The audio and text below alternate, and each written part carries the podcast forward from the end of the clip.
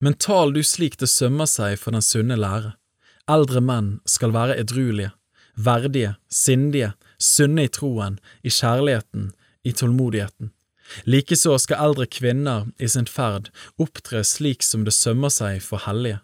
De skal ikke fare med sladder, heller ikke må de være henfalne til vin, men de må være lærere i det gode, slik at de kan lære de unge kvinnene til å elske sine menn og sine barn, til å være sindige, rene, huslige, gode, underordnet sine egne menn, for at Guds ord ikke skal bli spottet.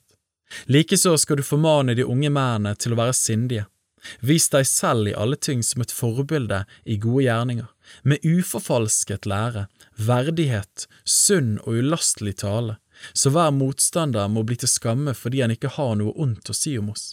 Tjenere skal du formane til å være lydige mot sine egne herrer i alle ting, og rette seg etter dem uten å si imot. De må ikke stikke noe til seg, men vise all god troskap, så de i alt kan være en pryd for Guds, vår Frelsers lære. For Guds nåde er åpenbart til frelse for alle mennesker.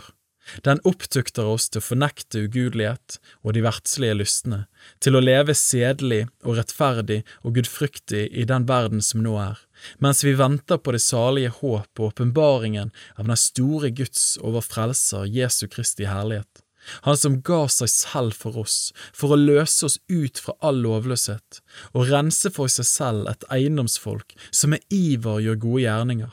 Tal dette og forman og irettesett med all myndighet, la ingen forakte deg.